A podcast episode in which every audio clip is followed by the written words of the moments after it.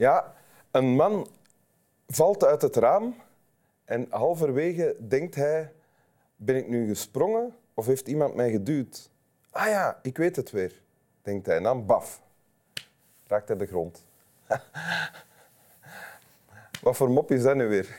Ja, dat kan allemaal. In winteruur kan dat allemaal, dat soort dingen. Welkom in winteruur, Kathleen Treijer. Dankjewel. Uh, artistiek directeur van het Toneelhuis. Ja. Uh, voordien ook um, directeur, denk ik, of, uh, van het theaterfestival. Ja.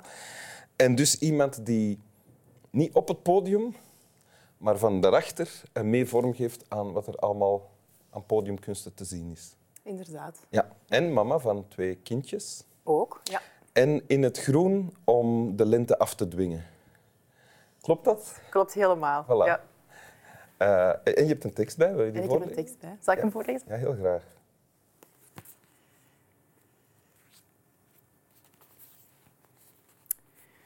Kunt u een profielschets geven van de ideale rokkenjager? Daar vraagt u me wat. In ieder geval moet het iemand zijn die plezier heeft in de rok. Dat staat voorop. Iemand die ervan in de wolken raakt, die beseft dat je een rok ook achterstevoren aan kunt trekken of binnenstebuiten, omgekeerd desnoods. Die er meer ravotten wil, die niet bang is om er een schrammetje op te maken of een vlek. Roland Barthes heeft een keer gezegd, waar ik in een verhaal van houd, is dus niet zonder meer de inhoud, zelfs niet de structuur, maar veel eer de schrammen die ik op het mooie omhulsel aanbreng. Ik ren, ik spring, ik kijk op, ik duik er weer in. Zo iemand, een echte textuurgek, Iemand die aan rokjes zijn hart ophaalt, zelfs als er sprake is van een hortend en stotend froefroe. Wat zijn de grootste vijanden van de rok? De mot en de mode. En dit komt uit Rachel's rokje van Charlotte Mutshuis. Ja, inderdaad. En over dat boek zouden we al heel veel kunnen vertellen, maar we gaan ons proberen beperken tot dit fragment. Want hier staat al genoeg in. Hier staat al heel veel in, inderdaad. Het begint met de vraag, kan u een profielschets geven van de ideale rokkenjager? En ik als argeloze lezer denk dan bij een rokkenjager aan een charmeur, een versierder. Ja. Uh, maar als ik dan het antwoord hoor of lees, of jou hoor voorlezen, dan uh, gaat het over veel meer dan dat, denk ik. Klopt dat? Ja, het gaat inderdaad over veel meer dan dat. Hè. Dus uh, het, het, boek is een soort in zijn geheel is een soort non-lineair verhaal. En elk hoofdstuk is een plooi van een rok. Ja. Um, de rok hier staat een beetje voor het leven. Ja. Um, dus de ideale rokkenjager is iemand die van het leven houdt. Iemand die van het leven houdt, ja. inderdaad. En die het, uh, uh, zoals, zoals ze hier zeggen, uh, achterstevoren aan kan, binnenstebuiten, des, desnoods omgekeerd. Ja? Iemand, iemand, die er volledig van in de wolken raakt, smitten door is. Dus dat is al één ding, hè? Iemand die van het leven houdt, of, of een ideale rokkenjager, is iemand die met een rokje allerhande verschillende dingen doet, die niet noodzakelijk de bedoeling zijn, om of lijken om een rok te doen. Klopt Zoiets, ja, ja. Of hoe zou je het zeggen?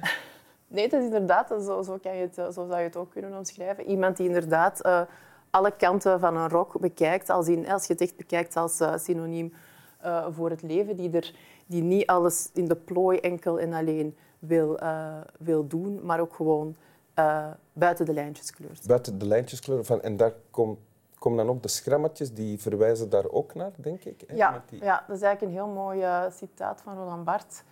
Um, op een bepaald moment, denk ik, in mijn leven, want ik heb het als eerste, of de eerste keer gelezen toen ik, toen ik twintig was, toen ja. ik Germaanse talen studeerde. Ja. En ik verstond er, uh, moet ik eerlijk gezegd bekennen, echt geen, uh, geen, hol? geen hol van uh, in het... hol was het woord dat je zocht. Hol, hol was het, inderdaad het woord dat ik zocht. Ik verstond er echt niks van. Uh, toen ik het aller, allereerste keer las, omdat er zoveel referenties in dat boek zitten waar je echt waar je, waar je niets van snapt, als je niet ook al die dingen van de wereldgeschiedenis, van de wereldliteratuur mee hebt. Ja? Um, we leven in een, in een tijd waarin alles hè, heel erg theoretisch, allee, voor mij op dat moment heel erg theoretisch en afgetoetst moest worden. En dan duikelend in deze literatuur waar de beelden heel erg spreken, waar eigenlijk alles kan, waarbij het eerder gaat over de vrijheid van wat je aan dat woord toedicht, over, ja. Over fantasie, een, een soort van ode aan de verbeelding. En de rafelranden van het leven? Exact. En die rafelranden van het leven die het eigenlijk interessant maken, wat Bart ook zegt. Van, ja, het is interessant om daar structuur allemaal in te brengen, maar het is daar net eigenlijk dat het, dat het sappig wordt. Of dat het, uh... En jij bent iemand die in een leidinggevende positie zit en Mhm. ook een, een uh, instituut representeert. Ja.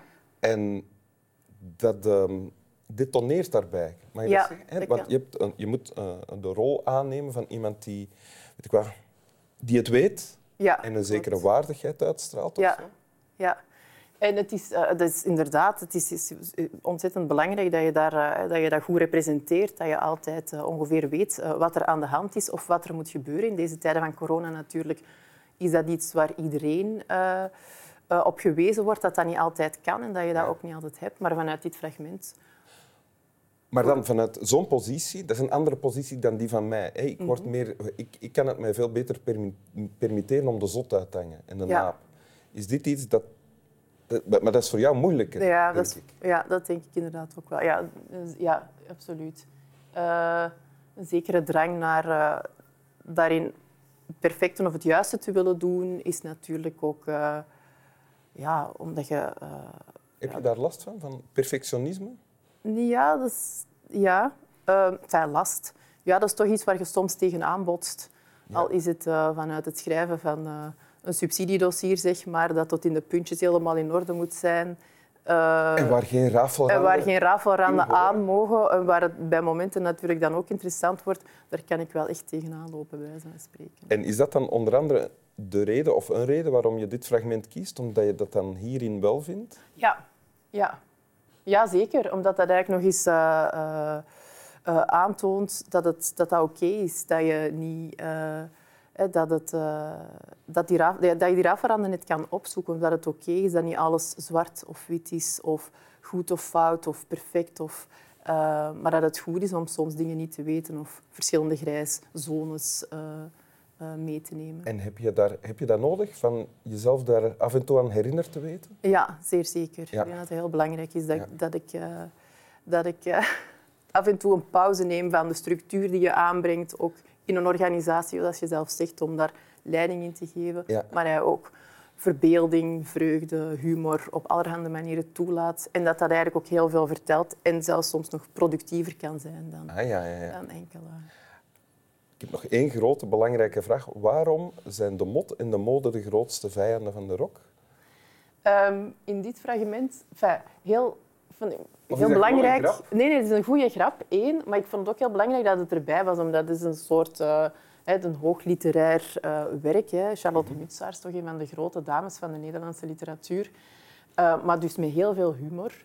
Ehm, en het is effectief zo, dus het maakt het heel erg banaal natuurlijk, of bazaal, eh, dat dat effectief ook de grootste vijanden zijn. Namelijk, want uw rok kan uit de mode gaan en als de mot in uw rok zit, ja, dan Heb je daar heb je ook heel mee? veel pech. Jazeker, daar heb ik ook ervaring mee gehad. Een hele kleerkast effectief van mijn partner en ikzelf die ik eh, van de mot moest eh, ontdoen. Ja. Dus, eh, Met andere woorden, alles wat een niet mens leuk. kan meemaken, heb jij ook al meegemaakt eigenlijk. Hè? Ja, In dat jonge leven van jou. ja, in het geval van die, van die mot en die rok toch wel. Ja. Wil je het nog eens voorlezen? ja. dat is goed.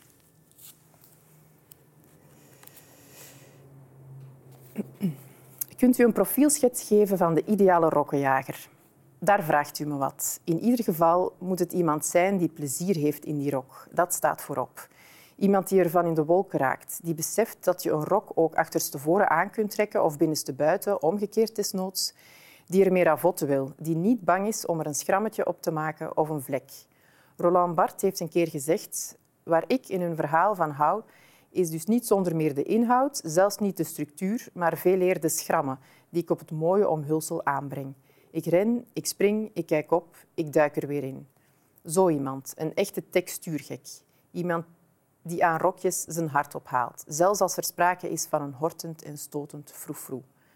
Wat zijn de grootste vijanden van de rok? De mot en de mode. Dank u wel. Slap wel. Slap wel.